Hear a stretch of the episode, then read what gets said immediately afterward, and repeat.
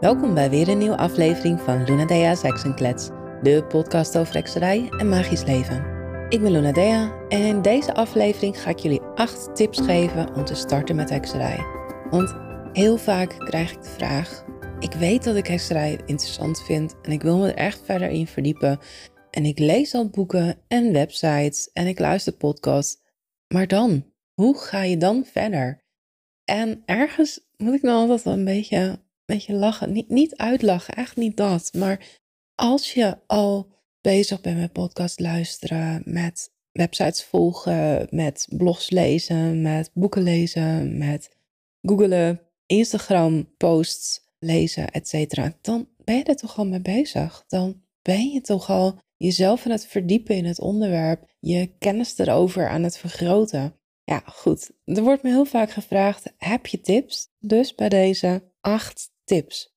Mijn eerste tip is focus op één ding. Ik weet het zelf nog wel van toen ik me erin begon te verdiepen, vond ik alles interessant. Er kwam zo ongelooflijk veel info op me af. Hekserij is ook echt heel erg breed. Het is niet één ding. Het is niet alleen rituelen. Het is ook een heel stuk geschiedenis. Ja, er zijn allerlei verschillende soorten rituelen. Want je hebt rituelen voor jezelf, je hebt helingsrituelen, je hebt beschermingsrituelen, je hebt loslaatrituelen, je hebt kaarsenmagie, je hebt koordenmagie, je hebt echt van alles en nog wat. Het is zo ongelooflijk breed dat je kan verzanden in het gevoel en de behoefte om alles te leren, om je overal in te gaan verdiepen. Ja, en dan, dan is het overweldigend, dan is het heel erg veel.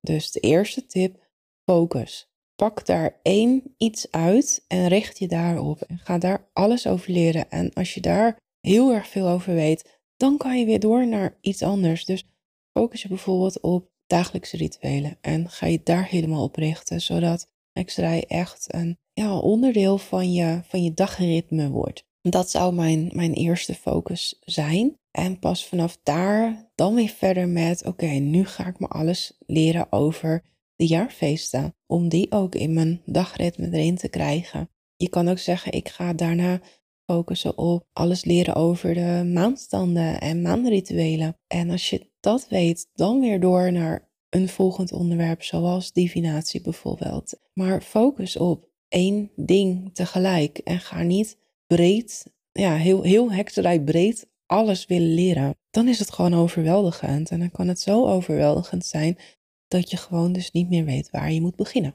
Dus begin bij één onderwerp wat je interesse trekt om daar alles over te leren. De tweede tip heeft te maken met de, de items die in hekserij worden gebruikt. Je gaat boeken lezen, posts lezen, podcast luisteren en dan krijg je misschien het idee van nou in hekserij worden heel veel items gebruikt, er gaan heel veel gebruiksvoorwerpen, ik moet alles hebben. Ik moet een altaar hebben. Ik moet een altaarinrichting hebben. Ik moet een staf hebben. Ik moet een atame hebben. Ik moet een ketel hebben. Ik moet een, nou, noem het maar op. Een heel arsenaal aan spullen. Maar dat is dus niet zo. Ik heb daar eerder ook een podcast over opgenomen, een twee geloof ik zelfs, twee luik, over de spullen in hekserij. Maar in tegenstelling tot wat je vaak in de wat oudere boeken, Wicca-boeken leest over allemaal verschillende spullen die je nodig zou hebben om je altaar in te richten, om je rituelen uit te voeren, ben ik eigenlijk in de afgelopen nou, 20 jaar tot, tot de conclusie gekomen dat dat grotendeels niet nodig is. Want een atame gebruik ik eigenlijk bijna niet meer. Ik trek wel een cirkel, maar dat is vaak mentaal. En dan trek ik mentaal mijn cirkel om me heen of met mijn vinger ja, daar heb ik dan niet per se een atame voor nodig. En staf, nou ja, goed, ik heb er één. En heel soms gebruik ik die, maar nagenoeg niet. En de manier waarop ik hem gebruik is niet om energie mee uit te sturen, maar ik gebruik mijn staf tijdens transmeditaties af en toe. En een transmeditatie kan ik ook heel goed zonder staf doen. Dus eigenlijk ben ik in de afgelopen, nou ja, goed, de eerste vijf jaar zat ik in een koffen en daar heb ik dus heel veel met items leren werken. Daarna ging ik mijn eigen pad en kwam ik eigenlijk tot de conclusie dat de meeste spullen dat je die bijna niet gebruikt en heel weinig nodig hebt. En echt met een aantal kaarsen, en kaarsen standaard natuurlijk, heb je eigenlijk al genoeg om een altaar in te richten. Gebruik vooral wat je al in huis hebt. Dat is de tip. Gebruik wat je in huis hebt. Je hoeft niet allemaal verschillende kruiden aan te schaffen. Doe je keukenkastje open en kijk wat je aan kruiden in huis hebt. Je hoeft niet speciale spullen voor je altaar te, te kopen. Kijk wat je in huis hebt en arrangeer je altaar op zo'n manier dat je denkt: ja, dit is mooi, dit is fijn, hier, dit voelt goed. Dit vind ik er leuk uitzien. En het hoeft niet per se heks of hekserij te schreeuwen. Je hoeft er niet per se een pentakel op te leggen. Ik heb inmiddels ook geen pentakel meer op mijn altaar liggen.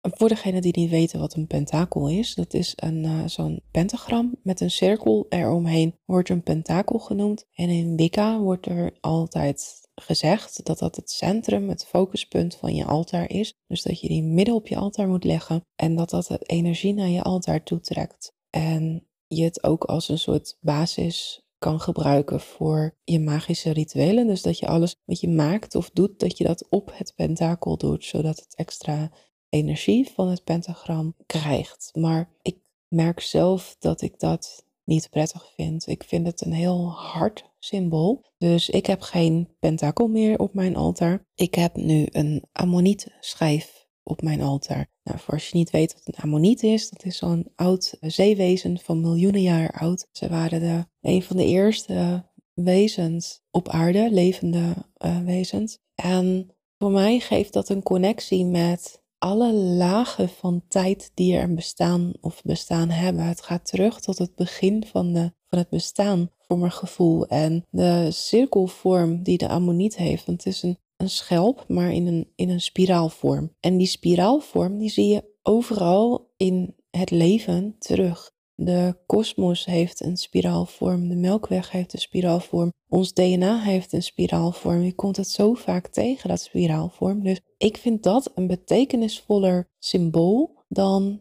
het pentagram. Dus daarom kies ik ervoor om dat op mijn altaar te hebben staan, liggen eigenlijk niet per se helemaal centraal in het midden van mijn altaar, maar het is er wel. En voor mij is dat een betekenisvoller symbool. En daarmee wil ik dus ook aangeven dat je dingen mag veranderen. Ik kies ervoor om geen pentakel op mijn altaar te hebben liggen en ik verander dat. Ik kies voor het symbool wat voor mij betekenis heeft. En dat wil ik jullie ook echt op het hart drukken. Ook al lees je in elk boek, zo hoort het. Denk altijd voor jezelf wat vind ik hiervan? Hoe denk ik hierover? Wat zou ik doen? En dat volg je, dat doe je. Je volgt je eigen gevoel.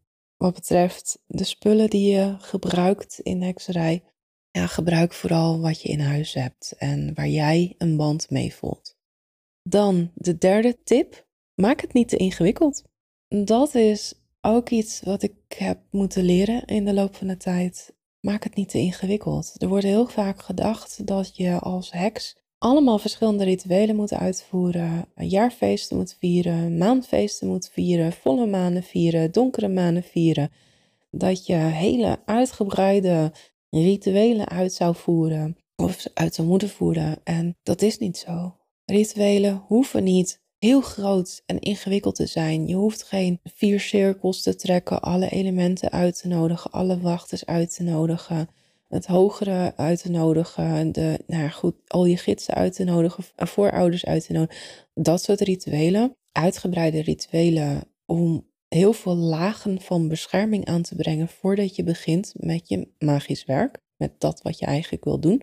Dat kost gewoon ontzettend veel tijd, ontzettend veel energie nou ja, goed, ik heb het op die manier geleerd toen ik in de koffin zat. En het is echt wel, het draagt wel bij aan het gevoel dat je echt bezig bent met een diepere vorm van magie. Maar ik merkte zelf dat ik het best wel lastig en erg tijdrovend vond. Dat het al drie kwartier duurde voordat je überhaupt die cirkel had getrokken. En dat je dan een kwartiertje bezig was met je magisch werk. En dan weer drie kwartier bezig was met het ja, opheffen van de cirkel. Toen dacht ik, ja, maar als ik überhaupt al, nou ja, goed, als ik alleen al een cirkel trek met mijn gedachten, met mijn mindset, en daar mijn gidsen bij vraag om op wacht te staan, zeg maar, om, om mijn cirkel te beschermen, dan duurt dat drie minuten. En dan kan ik aan mijn magisch werk beginnen. Dat wat ik eigenlijk wil doen. Dat ben ik toen gaan, nou op die manier ben ik eigenlijk heel veel van de hekserij gaan uitkleden, laagjes af gaan pellen, tot dat wat ertoe doet. En daar kwam ik erachter dat ja, hele uitgebreide, moeilijke, ingewikkelde rituelen, dat dat voor mij veel minder kracht heeft dan wanneer ik echt alleen dat uitvoer wat, wat ik wil doen. En echt hoor, het is, het is heel fijn en heel mooi om zo'n ritueel uit te voeren, om echt die lagen van energie te voelen. En dat heeft ook echt wel iets krachtigs. Maar die kracht, die kan ik ook stoppen in het magische werk zelf. Dus ik heb wel eens het voorbeeld gegeven van kaarsmagie, waarbij je dan eerst de kaars moet uh, zalven en moet zegenen en zuiveren en kruiden uitzoeken die erbij horen, die je erop kunt plakken en de mensen die je erin schrijft en kerft en nou ja, goed de energie de natuur sturen en, en dan je kaarsje aansteken. Het is net zo krachtig als je gewoon op het moment zelf dat je de energie voelt van en nu heb ik die boost nodig en nu ga ik deze energie uitsturen en dan je vaccinelichtje aansteken. Ik kan net zoveel energie en kracht uitsturen als wanneer je al die andere dingen ervoor hebt gedaan.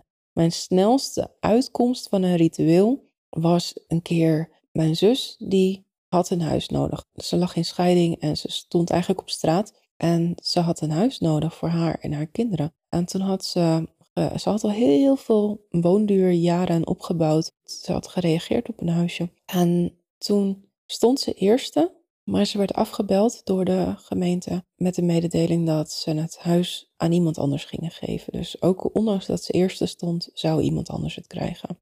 En zij belde mij op en vertelde dat. En ik was zo kwaad, ik was zo boos. En dus ik had heel veel energie in me natuurlijk. Ik was zo boos en zo onterecht vond ik dat huilende zus aan de telefoon. Ik was boos. Ik had opgehangen. Ik pakte een vaccinelichtje. Ik stak het aan en ik heb erbij echt uitgeschreeuwd van dit is zo oneerlijk. Zij moet dat huis gewoon krijgen. Dat is het enige wat ik deed. Hè? Een vaccinelichtje aansteken. Met al mijn emoties schreeuwen van dit is oneerlijk. Zij moet dat huis krijgen. En nog geen kwartier later belt ze op. Ja, de gemeente belde weer terug, de woningbouwvereniging, dat ik het huis toch krijg. Nog geen kwartier later. En dat ritueel is tot op heden, in al die 25 jaar dat ik, dat ik nu hekserij beoefen, is dat ritueel het ritueel met de snelste uitkomst geweest. Dat alleen een vaccinelichtje was. En alleen één ding wat ik gezegd heb. Maar dat snelste uitkomst is dus echt doordat ik dat met al mijn emoties, omdat ik op dat moment al mijn emoties erin gelegd heb. Dus ja, dat illustreert gelijk dus mijn, mijn derde punt. Maak het niet te ingewikkeld. Echt, het hoeft allemaal niet ingewikkeld. De key ingrediënt van elk ritueel is jouw emotie. Dan mijn vierde punt, of mijn vierde tip eigenlijk, is denk niet dat iedereen het beter kan. Wanneer je begint te verdiepen in hekserij, en zeker als je allemaal social media kanalen volgt over hekserij, kan je al heel snel het idee krijgen van, oh, iedereen weet er zoveel vanaf. Iedereen kan zulke mooie rituelen uitvoeren. Oh, ze weten echt van elk kruid wat het betekent. En ze weten overal een oplossing voor. En je hoeft maar iets te vragen of ze weten precies welk ritueel je moet uitvoeren. En nou goed, het kan echt lijken alsof iedereen alles veel beter weet dan jij. En dan kan je echt het idee van krijgen van ik weet nog helemaal niks en ik begin nog maar net en waar moet ik beginnen en ik weet het allemaal niet. En het is echt heel, het, kan je onwijs veel inspiratie geven om andere heksen te volgen op social media. Om, ja, het, het kan je echt inspiratie geven, maar het kan je ook dus het gevoel geven dat je, dat je echt nog maar heel erg aan het begin staat en heel weinig weet. Maar Alsjeblieft, vergelijk je niet te veel met anderen en al zeker niet met anderen die al 25 jaar bezig zijn of 40 of whatever hoeveel. Ook al is iemand met twee of drie jaar bezig. Het is, ja, als jij net begint op jouw pad, dan kan het overweldigend zijn om zoveel anderen te zien die al heel veel weten. Maar hou jezelf echt voor dat jij op het begin staat van je pad en dat jij dat ook gaat weten en kunnen ja, als je, als je drie of vier of vijf of tien jaar verder bent. En Weet je, iedereen begint. Iedereen begint op een punt dat hij of zij nog helemaal niks weet of heel weinig weet. Ook ik wist in het begin nog amper iets. Ik was helemaal verbaasd over de jaarfeesten. Oh, zijn het er acht? En ik continu vergat ik er een paar van. Hoe heten ze nou ook weer? En het verschil tussen donkere en nieuwe maan heb ik ook heel lang niet begrepen. Of vooral omdat in astrologie de donkere maan nieuwe maan wordt genoemd. En voordat ik dat verschil door had, was ik ook al een paar jaar verder. Echt, vergelijk je niet te veel met anderen, want dan maak je jezelf zo klein door. Echt, hou jezelf vooral voor van hé, hey, alles is nieuw. Ik begin. Er is nog zoveel om te leren. Yes, ik ga echt een heleboel leren. Dit gaat leuk worden. Dit gaat interessant worden. Ik ga zoveel bijleren. Dat is meer de juiste spirit om jezelf ja, positief erin te laten staan. Dan de vijfde tip. Doe aan research. Ja, als je hier de podcast al luistert, dan ben je er al mee bezig. Heel goed. Maar ik merk dat de tendens tegenwoordig is om vooral ja, op een makkelijke manier aan je informatie te komen. En in hekserij werkt dat niet. Wat ik zei, hekserij is ontzettend breed. Heel, heel erg breed. Er zitten ongelooflijk veel kennislagen in hekserij. Het is, weet je, hoe meer je leert, hoe meer je weet dat je niet, niet weet. Ik begon met hekserij en toen dacht ik dat Wicca alles was. Toen kwam traditionele hekserij erbij. Toen ontdekte ik dat shamanisme ook gelinkt is aan traditionele hekserij. En dat er zoiets als cider bestond en druidisme. En nou ja, goed, het is een sneeuwbal-effect. Het is echt een, een soort ja, enorme kennisdatabank die je opentrekt. En research is de enige manier om aan heel veel kennis te komen. En denk nou niet dat je enorme stapels met boeken moet aanschaffen. Er is heel veel gratis te verkrijgen via het internet. Je hebt YouTube-video's, je hebt podcasts, je hebt TikTok-filmpjes, je hebt uh, social media-kanalen, je hebt Google. Google is your best friend. En echt waar, er staat zo onwijs veel op het internet over hekserij. Maar probeer ook in het Engels te zoeken, want dan gaat, komt er nog veel meer omhoog dan in het Nederlands. Ja, het is makkelijk om mij of een andere heks even een berichtje te sturen van ja, hoe zit dit en dat. Maar je zou het ook zelf kunnen opzoeken en dan train je jezelf er ook in om op zoek te gaan naar het antwoord. In die zoektocht leer ook weer heel veel andere dingen bij. En dat is, ja, daarom geef ik heel vaak het antwoord. Ga googelen, ga zoeken als je zelf op zoek gaat naar de informatie, dan kom je onderweg ook gewoon heel veel extra kennis tegen. En daar leer je zoveel meer van dan gewoon makkelijk het antwoord vragen aan iemand anders. Op forums of nou, Facebookgroepen tegenwoordig, daar kan je ook al je vragen kwijt en dan krijg je ook allemaal antwoorden van andere heksen. En dat kan ook heel leerzaam zijn. Geef ik ook heel vaak als tip van vraag het in een forum. Maar waarom geef ik dat dan als antwoord? Omdat je dan van 10, 20, 30 verschillende mensen het antwoord krijgt. En dat kan soms net verschillen. Dat komt ook heel vaak tien keer dezelfde antwoord. Maar het kan soms net vanuit een ander oogpunt, vanuit een ander invalshoek belicht worden. Dus dat je meerdere visies als antwoord krijgt, waardoor jij ook weer ziet dat het ook op andere manieren beantwoord kan worden. Dus dat, dat je een, een breder antwoord krijgt dan alleen mijn antwoord. Dus dat is ook nog een, een manier van research om het via, ja, via een groep te vragen en dan dus meerdere invalshoeken te krijgen. Maar ja, wil je meer over hekserij leren? Ja, ga op zo'n onderzoek uit. Want onderzoek is echt, daar leer onwijs veel van. Dat brengt me gelijk weer bij punt 6. Want dat heeft te maken met wat ik net zei over uh, forums en groepen. Maak contact met andere heksen. Want ik heb daar ontzettend veel van geleerd. En in het begin van mijn heksenpad kwam ik al vrij snel andere heksen tegen. En dat was gewoon heel erg leuk om met hun live te heksen kletsen. En dat gaf me het idee ook dat ik niet alleen was. Dat gaf me het gevoel van, hé, hey, ik kan mijn heksenpraat kwijt. Want je gaat niet zomaar met je, ja, je niet-heksenvriendinnen, die, die begrijpen gewoon die begrijpen gewoon echt niet waar je mee bezig bent. Mijn moeder vond het best interessant om, maar die had ook echt geen idee waar ik het over had. Uh, mijn tweelingzus, die had ook eens zoiets nou, die ziet ze vliegen. Maar de heksenvriendinnen, die begrepen waar ik het over had als ik zei van, oh, ik, ik voelde echt de, de energie van de volle maan vandaag of vannacht. En dan kreeg je bevestiging of dan zeiden ze van, oh nee, normaal voel ik het wel en deze keer niet. En dan kwam er een gesprek op gang en ook daarin weer, als je praat met andere heksen, als je contact hebt met andere heksen, dan komt er zoveel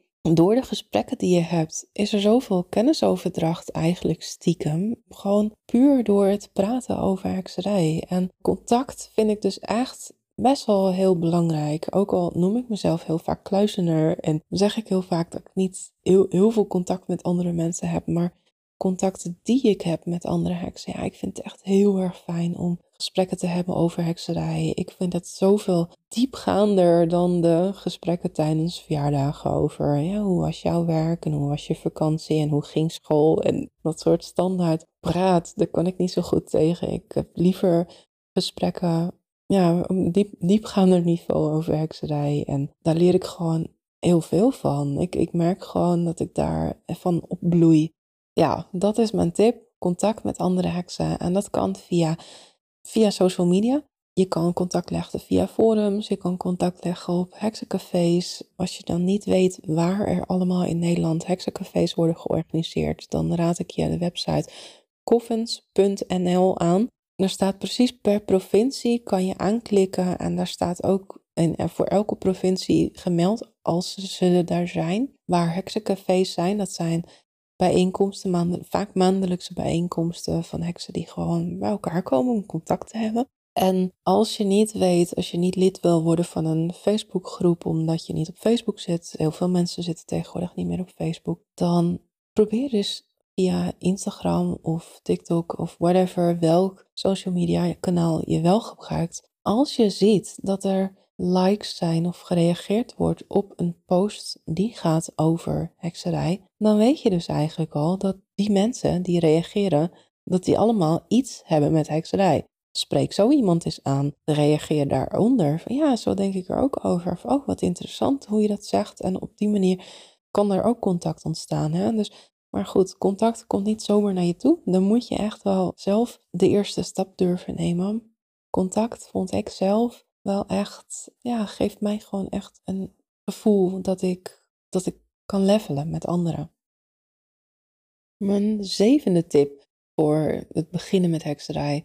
Denk niet dat je per se een bepaald type hekserij moet kiezen. Weet dat je jezelf echt breed kunt interesseren in hekserij of aanverwante spirituele stromingen. En dat dat helemaal niet erg is.